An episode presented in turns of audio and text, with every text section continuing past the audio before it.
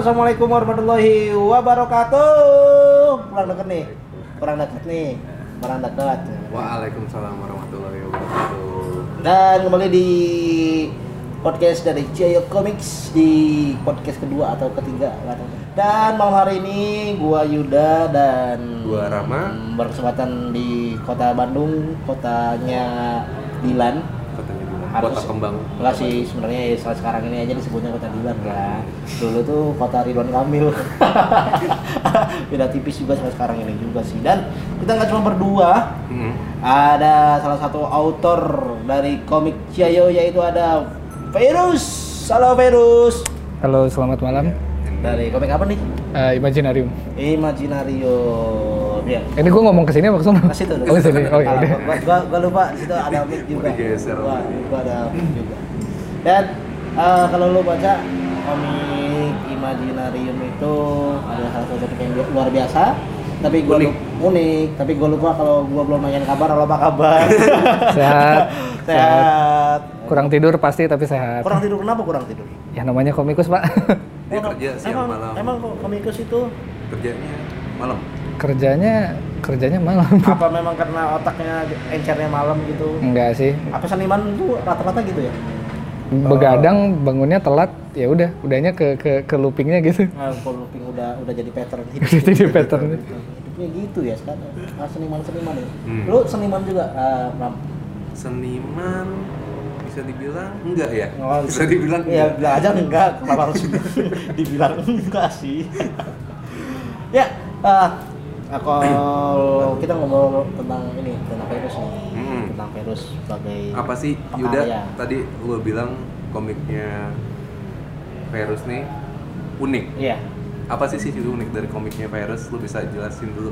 waktu awal gue baca tuh Ntar gua di bridging ke Virusnya. Nah, karena waktu awal gue baca tuh kayak ini komik apa nih? Oh, tentang gue pikir tentang hantu-hantu gitu nih ada orang di belakang ada yang ngikutin itu kayak kayak kayak tentang korin tentang korin itu Korin orang apa? korin tuh jadi kalau di istilahnya tuh korin itu adalah hantu yang ngikutin kita nih jin yang, yang jaga kita Oh. nah tentang pikir gue pikirnya itu ternyata enggak ternyata komik itu ada hubungannya dengan kokologi Kokol- Nah, lu nggak tahu kan kokologi apa? Belum, gua baru pertama kali Baru dengar. Nah, kita dengar langsung dari penjelasan dari Pei. Pei, kokologi itu apa? Apakah itu sereal? Um, itu kokocrut. Enggak sih, tapi kalau sebenarnya kalau komik gue sendiri sih, em, kalau dijelasin secara singkat, Imaginarium itu kan em, komik action drama Hmm? Dengan fantasi Hmm. yang base-nya adalah psikologi dan penyakit kejiwaan. Wow. Di dalamnya ada kokologi. Kalau kokologi itu kan sebenarnya itu permainan. Hmm? Itu itu permainan yang gue pakai buat nge-pick interest biar pembaca minat sama masalah kejiwaan gitu. Hmm. Soalnya itu kayak kokologi itu lebih ke arah funnya gitu. Kalau orang kan taunya psikologi itu sesuatu yang berat dan memusingkan gitu ya. Gue mau coba ngebawain sesuatu yang fun.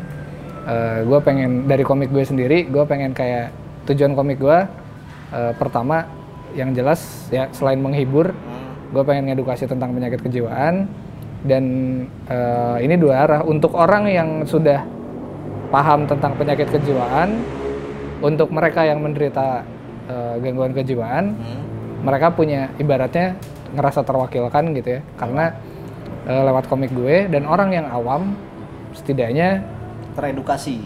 teredukasi dan mereka tertarik buat mempelajari lebih lanjut cuman dibungkusnya ya pakai action drama gitu Action drama. kan? Terus kalau lu sendiri kan lu ngebahas nih kokologi, psikologis dan segala macam ada di dalam unsur komik lo. Lu tuh basicnya emang psikologis, eh, eh, psikolog atau gimana sih? Oh enggak, gue gue gue murni belajar desain. Gue tidak pernah belajar formal psikologi. Hmm. Karena itu pada saat pembuatan komik ini, gue konsul sama psikolog. Gue konsul, gue ke Depkes, gue ke gue ke Depkes nyari psikolog, em, ke literatur, ke literatur psikologi dan yang paling penting gue research eh, gue research langsung ke para penderita. Wow. Karena yang yang gue bawa itu sesuatu yang ada di dunia nyata gitu kan dan ini adalah topik yang sangat sensitif. Kalau gue salah, eh, ini akan melukai semuanya, melukai pembaca yang tidak tahu, Iya. melukai penderita yang salah ditunjukin. Gue nggak mau kasus gue sampai kayak ada salah satu serial Netflix yang tentang cewek bunuh diri terus bikin kaset Ah. yang menjelaskan kenapa dia bunuh diri. Itu serial yang sangat-sangat dibenci oleh para kalangan psikolog karena itu me- me- apa ya, mempresentasikan bunuh diri sebagai sesuatu yang ibaratnya edgy gitu. Oh, ya. Saat, saat ini emang kayak gitu sih. Gue baca di Twitter gitu orang tuh kayak eh, depresi terus eh, ti- tapi tiba-tiba ah kayaknya bunuh diri aja deh gue gitu kayak kayaknya Hmm. banyak banget oh di sosial Gampang media saat ini. gitu kayak gitu. Bundir-bundir kalau istilah itu sekarang. itu gue bundir. itu gue pengen banget nge, mungkin kalau nanti ada kesempatan gue pengen banget nge-touch gimana pengaruh sosial media ke kejiwaan para penggunanya. banget. Ada Di, bilang lo masukin ke dalam cerita atau Cerita. cerita. Dalam cerita. kan ada yang bilang kan sosial media itu saat, saat ini tuh toxic. Nah, ya, ya kan. istilah toksik seperti apa, terus Oh. gimana biar orang bisa menghindari itu, hal-hal semacam itu, kayaknya orang butuh. udah dijelasin dulu sama Bang Roma loh obatnya stres tuh. Iman dan takwa. Tapi emang gue salut banget nih sama Verus nih kayak eh, dia itu langsung nyadarin gue gimana riset dalam membuat sebuah karya itu penting parah. Betul. karena kalau misalnya ada kesalahan dikit aja di dalam sebuah karya apalagi isu yang diangkat di dalam sebuah karya itu sensitif itu bener-bener bakal dampaknya bisa bahaya banget gitu. Betul. apalagi itu disebar di apa namanya media dan harus dipertanggungjawabkan juga kan karyanya itu. Betul, tapi gue penasaran tuh ketika Virus tuh datang ke De- Dekes gitu, datang ke rumah sakit jiwa, terus ngobrol sama uh, psikolog kayak gitu. Uh, si Virus datang gitu, mau wawancara, mau wawancara apa ya Virus ya? Saya mau wawancara buat bikin komik. Ah, gimana gimana? Oh itu mereka tuh- gua tuh itu itu beneran loh. Itu waktu itu gue datang kayak gitu. Gue kan dapat surat pengantar dari dokter gue. Hmm. Eh, ya udah lu datang aja ke Depkes. Terus gue datang ke sana. Itu udah kasih surat pengantar tuh. Eh, ditanya kayak bahkan ini tuh ini tuh stigma yang dua arah ya. Jangankan kita, jangankan orang yang gue niatnya kan kayak gue pengen mengedukasi lewat komik gitu. Hmm.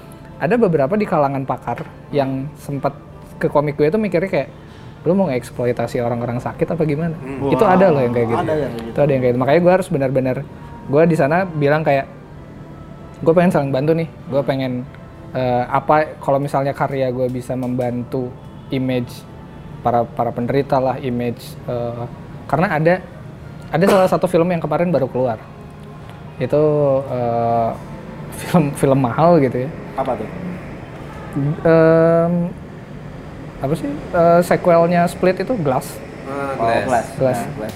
Di situ kan ditunjukin bahwa para para psikolog itu kan kayak orang jahatnya ya. Hmm. Di situ kan pada akhirnya pesannya itu itu gue agak-agak ngeri sama film itu karena takutnya orang orang yang beneran sakit itu jadi takut buat berobat. Tapi memang kenyataannya orang-orang itu teman-teman gue yang pernah eh, mengalami katanya eh, gangguan mental mereka mau datang ke psikolog mereka takut mereka takut dijudge. Iya. Ya itu. mereka semua pada takut. Itu itu stigma yang ada sekarang itu kan jangankan dari orang dari jangankan dari orang yang menderita. Hmm. eh, kayak orang sekitar gitu banyak anak banyak pembaca yang curhat ke gue gitu. Jadi kadang-kadang ada pembaca yang mereka bilang kayak "Eh, makasih udah bikin ini ngewakilin saya Eh, terus gue tanya eh, eh, dia dia bilang misalnya saya menderita ini. Oh apa kamu sudah berobat? Belum karena dia masih di, pertama dia masih di bawah umur. Kedua orang tua takut malu. Hmm, oke. Itu kan itu kan masih ada kayak misalnya. Apalagi yang sangat disayangkan itu kalau sampai ada tipe orang eh, tipe-tipe orang yang bilang alah lu depresi mah udahlah obatnya eh, gimana takwa banyak Itu banyak biasanya. ada yang bilang banyak ibadah ada yang banyak main keluar ada yang kayak gimana. Sedangkan itu kan keluar dari omongan orang yang eh, belum tentu menderita gitu. Hmm. bahkan orang yang penderita pun belum tentu orang yang sakit yang sama penanganannya sama. Betul. ini tidak seperti flu yang bisa dipukul rata oke antibiotik Betul. paracetamol. Kejiwaan tidak seperti itu gitu. Nah makanya eh, makanya kan di, di komik gue kan komik komik gue itu paling bawah tuh disclaimernya panjang sendiri kan. Iya iya. Karena di situ di situ kan isinya pasti yang pasti gue masukin adalah kalau kamu merasa kejiwaan kamu terganggu eh, harap hubungi profesional gitu. Kayak kayak gitu gitu itu bagian dari usaha gue biar biar kayak eh, it's okay kalau misalnya lu ngerasa kejiwaan lu terganggu. Lu eh, ibaratnya kayak lu bukan orang hina kalau sakit Iya, tuh gitu. dan dan ibaratnya kok orang yang datang psikolog kan sekarang banyak pikir orang datang psikolog datang ke psikolog atau Hmm. datang ke psikiater itu kayak anggapan kok lo orang gila gitu itu kan Iya. yang banyak yang stigma yang ketempel di situ juga kan padahal belum tentu juga kan Hmm. hal itu terjadi bedanya psikolog sama psikiater apa Eh, psikolog ini dari gue bukan profesional tapi yang yang gue tahu adalah psikolog itu menawarkan konseling Ah. jadi kayak em, bimbingan diskusi kayak eh, ya ibarat, ibarat nah, istilahnya konseling gitu mereka kayak psikolog nggak boleh ngasih obat hmm. psikiater nggak ngasih konseling Hmm. jadi ranahnya beda kalau psikolog itu kuliahnya psikologi kalau psikiater itu kuliahnya medis Wah. jadi mereka adalah dua mereka mereka emang kayak eh, sama-sama ke urusan kejiwaan gitu, cuman pendekatan yang mereka pakai berbeda. Dan ada eh, makanya biasanya kalau misalnya kita konsultasi itu eh, nanti dirujuk, misalnya psikolognya ngerasa oh ini ini bisa ditangani dengan obat, nanti dia ngerujuk ke psikiater. Kalau psikiaternya ngerasa oh ini bisa ditangani dengan konseling, nanti ke psikolog gitu. Ini proses yang memang panjang, ini proses yang eh, dibilang sulit sih enggak kok gitu kan. Eh, khususnya BPJS itu ngecover eh, semua psikiatri obat-obatan yang kan kayak obat kalau ke psikiater mahal segala macam gue gratis kok selama ini sekarang udah BPJS iya udah udah udah lama cuman sayangnya orang banyak yang nggak tahu. Makanya gue gue di ya salah satu tujuannya komik ini gue pengen kayak sekalian nyisipin info gitu. Lu bisa kok berobat ini kayak segala macam selalu gue kasih. Jadi jangan sembarangan eh, minum boti ya stres dikit Iya, boti, boti, boti lagi. Nah, ada takarannya, ada takarannya. Kan banyak banget tahu. Kayak mungkin keresit bukan banyak sih, karena mungkin circle gua di situ kayak banyak ah boti ah boti ah ngapain sih lu pada. Jadi eh, malahan eh, sakit tersebut malah jadi alat mereka mencari perhatian. nah itu Nah itu itu kalau di kalau di bahasa psikologis tau gue itu istilahnya namanya malingering apa tuh Melin? jadi me- ada yang namanya malingering ada yang lebih parah itu namanya Munchausen syndrome jadi dia sengaja eh, memalsukan gejala sakit untuk keuntungannya sendiri Hmm. kayak ibarat i- kasarnya gini lah ada orang sekarang itu ada orang yang ibaratnya sakitnya cuma di sosmed doang Hmm, oh ya ada, ada. Hmm. Ada. ya karena itu cara yang itu cara cepat banget buat dapat perhatian Iya. ah I see. memang eh, kalau misalnya apakah mereka bisa dibilang sakit bisa jadi karena karena tetap balik lagi yang berhak untuk menyatakan seseorang mengidap A B C D ya cuman profesional yang terlatih di bidang itu gitu. Bukan teman kamu bukan bukan diri kamu sendiri khususnya karena pasti akan subjektif. Bukan orang tua bu apalagi follower. Iya, siapa pun lah gitu. Kalau misalnya mereka tidak punya gelar dan eh, training yang jelas mereka nggak bisa ngejudge oke lu depresi oke lu bipolar dan nggak cuma dari pengamatan sosial media wah kayaknya iya lo gitu ini. karena ya siapa sih yang ya sekarang kan tinggal ngechat aduh gue stres pengen mati Iya. semua orang bisa kayak gitu Hmm. Kecuali lu bisa ngejudge masuk angin mungkin itu bisa. nah itu bisa itu Wah pinggang gua ngilu nih. Eh, masuk angin. Oh, masuk angin. batuk oh, masuk angin pokoknya semua masuk angin obatnya itu teh manis anget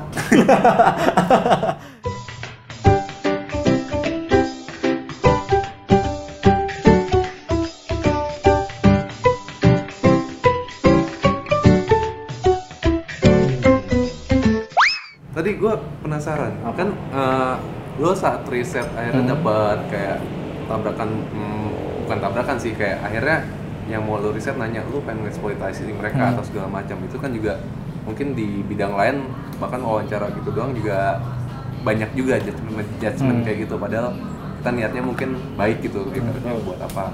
Nah itu kan hal unik menghadapi akhirnya bisa dibilang profesionalnya itu sendiri kan?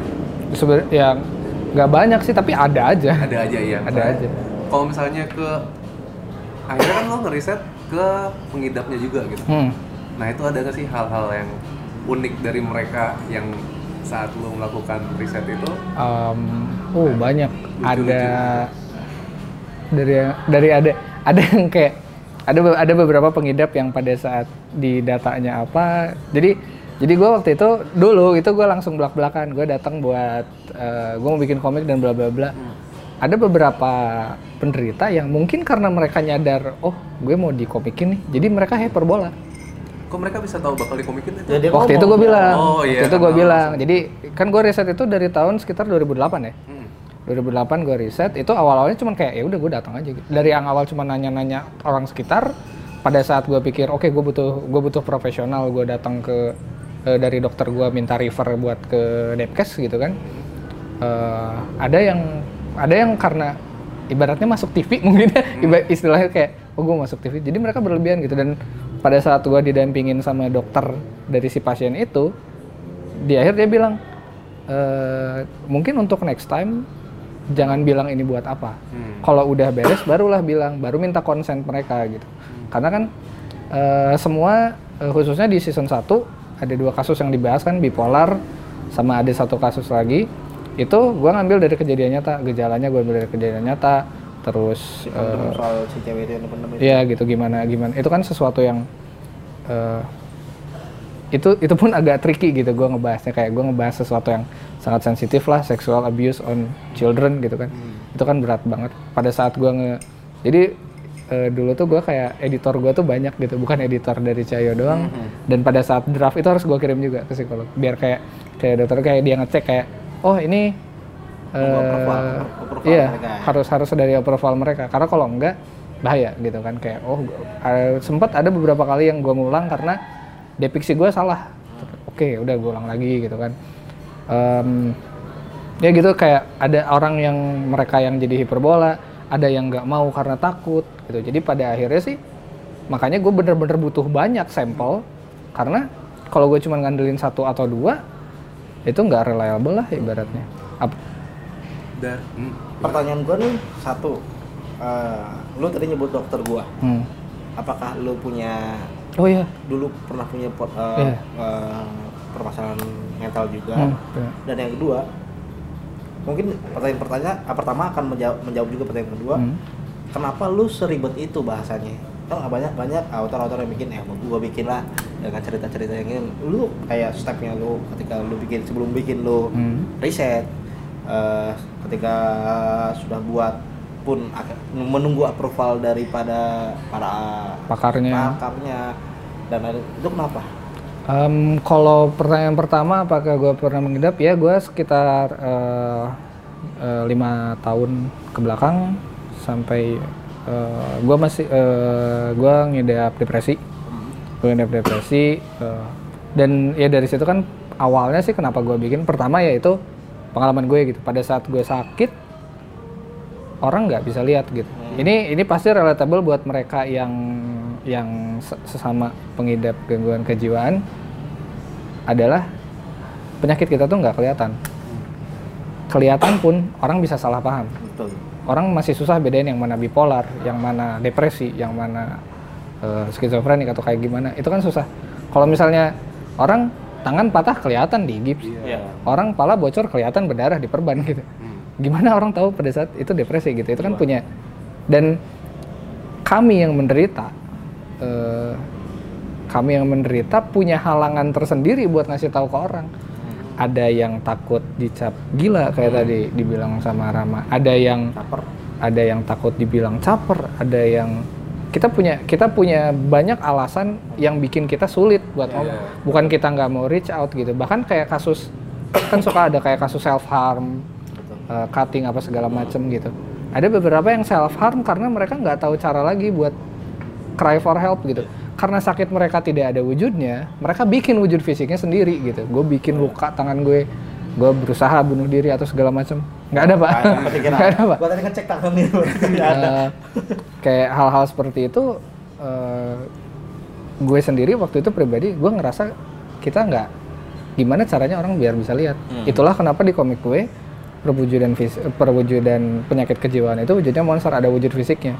Itu dulu dulu terapi dari dokter gue dia bilang kayak gini kamu suka gambar gitu kan. Eh, kamu punya masalah di pikiran kamu yang tidak bisa orang lihat. Coba gambarkan sama saya. Hmm. cobalah gue gambar. Oh bentuknya seperti ini. Karena gue tahu ada wujudnya itu jadi lebih mudah buat gue lawan. Itu juga yang kenapa bikin gue sekarang eh, bikin ilustrasi untuk kejiwaan orang. Karena eh, patokan gue gitu. Orang yang lagi struggle sama mental conditionnya mereka itu sulit kehila- eh, akan akan mudah kehilangan arah karena mereka nggak tahu yang mereka lawan tuh apa. Iya. M- untuk minta tolong pun mereka susah gue coba kasih wujud itu gitu. Gue coba gue coba kasih kasih lihat ke para penderita bahwa yang kalian hadapi itu nyata. Dan gue coba lihat ke, ke pembaca yang awam bahwa hal seperti ini tuh ada loh gitu. Yang kedua, Hmm, yang kedua ribet? Kenapa harus seribet seribet eh, proses pembuatannya? Ya sama sih karena karena ini sesuatu yang sensitif. Kalau gue bikinnya salah-salan itu akan lebih melukai tujuan gue awal. Gue maksud maksud gue tuh eh, kan lu kalibat tuh cuma sekedar berkarya, eh, Hmm. untuk berkarya lu bisa bikin oh kenapa gue milih bikin ini yang Iya, ribet betul, kayak gini? betul. Em, pertama ngeras gue ngerasa karya seperti ini belum ada. Oke, dan pembaca butuh. Jadi berangkat kenapa gua mau kenapa gua mau ribet dan bu- mau ribet buat bikin karya ini? Karena gua rasa ini pantas buat diperjuangkan. Tuh di 2008 lu Hmm. membangun Imaginarium berarti. Hmm, kalau dulu namanya masih Imagine kalau dulu itu. Tapi ternyata karena udah ada di Kamen Rider waktu itu Fahmi bilang coba tolong diganti. Oke saya ganti jadi Imaginarium. Tapi dan itu ada artinya kok. Di dalam psikologi itu Imaginarium itu adalah sebuah tempat mental tempat perkembangan imajinasi tapi kalau di komik gue diganti jadi itu tuh kayak ya dunia di dalam pikiran orang gitu istilah-istilah komik gue tuh ngambilnya dari istilah psikologi beneran Oh, rium, rium itu berarti ada tempatnya. Akuarium, terrarium ya Ah, sih dapat benar-benar. ilmu baru. Pinter juga lu ya. ya asik sih ini ibaratnya kayak nge-build-nya tuh gokil ya. Iya. Riset panjang Hmm. lama dan masuk Jaya berarti tahun 2017 ya? enggak tahun kemarin Kemarin. Komik Connect terakhir itu gue datang masih jadi seorang peserta gue bukan siapa-siapa Oh, Dan gokil tahun kemarin masih peserta sekarang Oh, gue ingat. menjadi pemateri. Iya. Gokil. Gue juga ingat tahun lalu. Eh, gue belum masuk ya. gue belum masuk ya, belum masuk. Oh, gue pilih Cahyo karena waktu itu em, ya gue sadar gue bukan komikus yang punya follower dan gue nggak gua nggak tahu gitu kayak gue butuh bantuan platform buat nyampein pesan gue karena kalau gue nyampein sendiri eh, entah lewatnya independen atau kayak gimana eh, bakal butuh waktu lebih lama lagi gitu. Ya gue cobalah gue coba pitch konsep gue ke Ciayo. Dan syukurnya eh, Ciayo juga ngelihat bahwa oh ini menarik buat diangkat gitu. Makanya gue ada di posisi gue sekarang. Emang cuma Ciayo yang respect autor-autor Indonesia, cuma Ciayo. Kami tolong naikkan gaji saya. Menjilat sendiri diri sendiri dan permohonan diri sendiri. Bayar Ah. autornya aja nggak minta naik.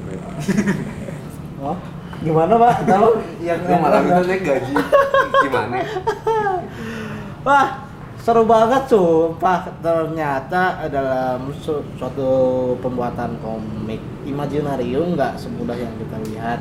Ada tahap-tahap yang lebih Karena untuk membuat sebuah suatu hal yang unik dan tadi eh, Pei sendiri bilang kayak Hmm. ini belum pernah ada. ya Itu perlu satu hal yang kayak langsung boom. betul. Walaupun walaupun kalau misalnya iba- ibaratnya kata Panji Pragiwaksono tuh walaupun ceruknya kecil, market lu kecil, tapi semakin kecil tuh semakin loyal. Hmm. Iya sih itu Semakin kecil semakin loyal. Apalagi ini benar-benar kayak related banget gitu sama apa yang mereka rasakan kayak gitu-gitu kan. Tapi ada rencana untuk menjadi psikolog setelah ini ambil kuliah psikolog Ah, gitu. pengen sih cuman sekarang karena udah keburu dapat kesibukan eh, ngajar juga terus Ajar di eh, as- eh, gue ngasdos di ITB untuk kelas komik sama ilustrasi Gokil.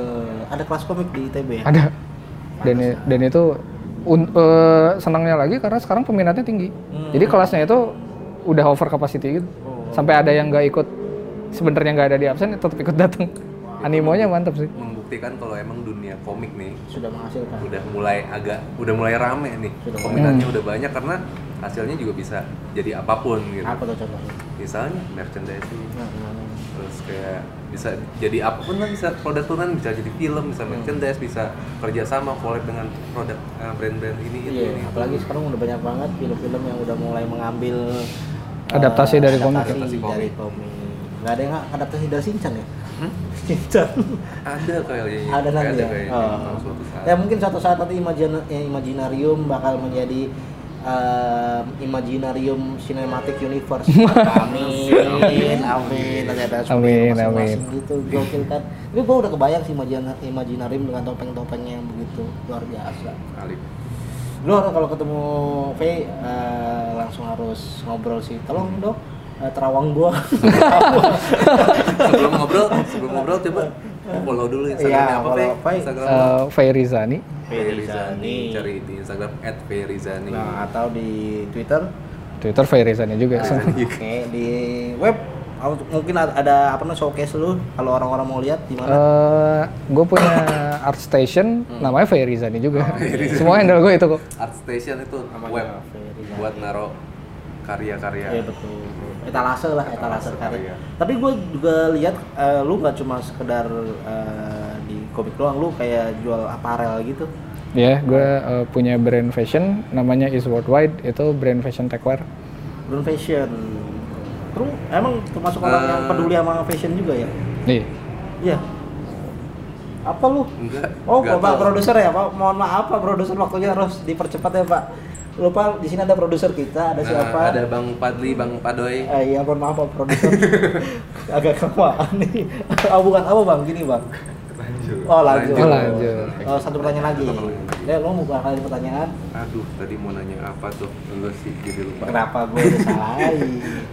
Em, Eh, lu kenapa nggak ke Jakarta? Lu cuma stay di Bandung. Ibaratnya bahasanya kan orang-orang yang mau berkarya, ada bahasa lu kalau mau sukses ya ke Jakarta.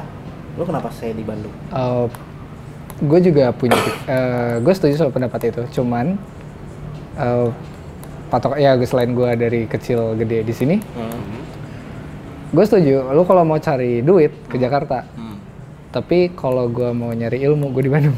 Mau nyari? gue di sini gue seneng gue orangnya seneng berbagi gitu ya dan gue pengen nguatin fondasi komikus-komikus Bandung biar mereka bisa ya ibaratnya gue bawa gue bawa sudut pandang baru lah gitu. Kalau misalnya kalau bidang gue kan mungkin daripada bisnis gue lebih seneng eh, edukasi gitu ya. Hmm. gue seneng ngedukasi teman-teman komikus gue biar kayak eh, lu mau coba nggak cara gue dalam berkarya gitu. Cara gue yang berkarya yang gue bikin komik dan gue juga bikin produknya Hmm. dan bikin produknya juga yang benar-benar dikonsep gitu kan gue pengen komikus-komikus Bandung punya fondasi yang kuat dan bisa survive dari komiknya aja dan produk turunannya. Kalau gue misalnya ke Jakarta sekarang gue mau gue mau ngekuatin Bandung dulu lah gitu. Nah, sulit nggak? Sulit apa ini? Untuk membangun fondasi itu di kota Bandung itu sendiri?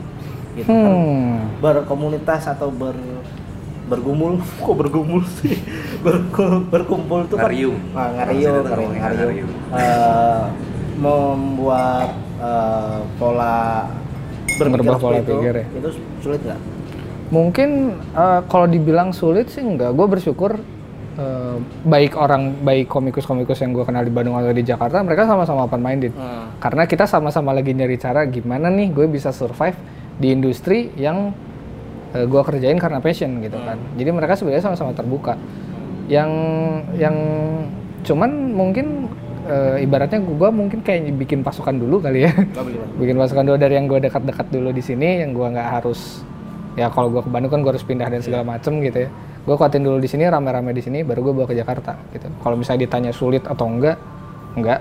Gue bersyukur komikus-komikus yang gue kenal eh, dari platform Cayo atau platform lain pun dari yang indie sampai yang official mereka terbuka gitu. Karena pada saat gue gua tanya ke mereka dengan pertanyaan seperti ini lo mau nggak dapat duit tambahan dari komik lo walaupun lo nggak official? Semua pasti bilang mau. Jadi em, mereka open semua. Nggak ada yang bilang mau ya? Ya siapa yang nggak mau ya kan? Jujur ya sih. Gitu lah ya. oke. Eh, gue baca tulisan dari produsernya lu wah cepet banget.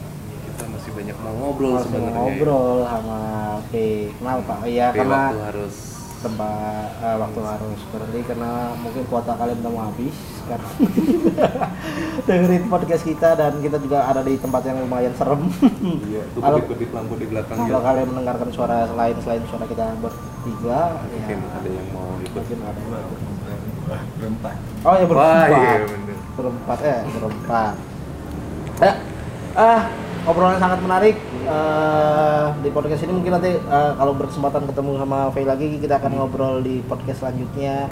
Yang denger ini atau pembaca atau penggemar. Pembaca. ya pembaca komik. Iya, pembaca komik, Iya, pembaca komik. Pintar juga lu ngelesnya. Lu bisa lu bisa follow Instagramnya atau lu langsung ke komiknya aja. Lu bisa tanya.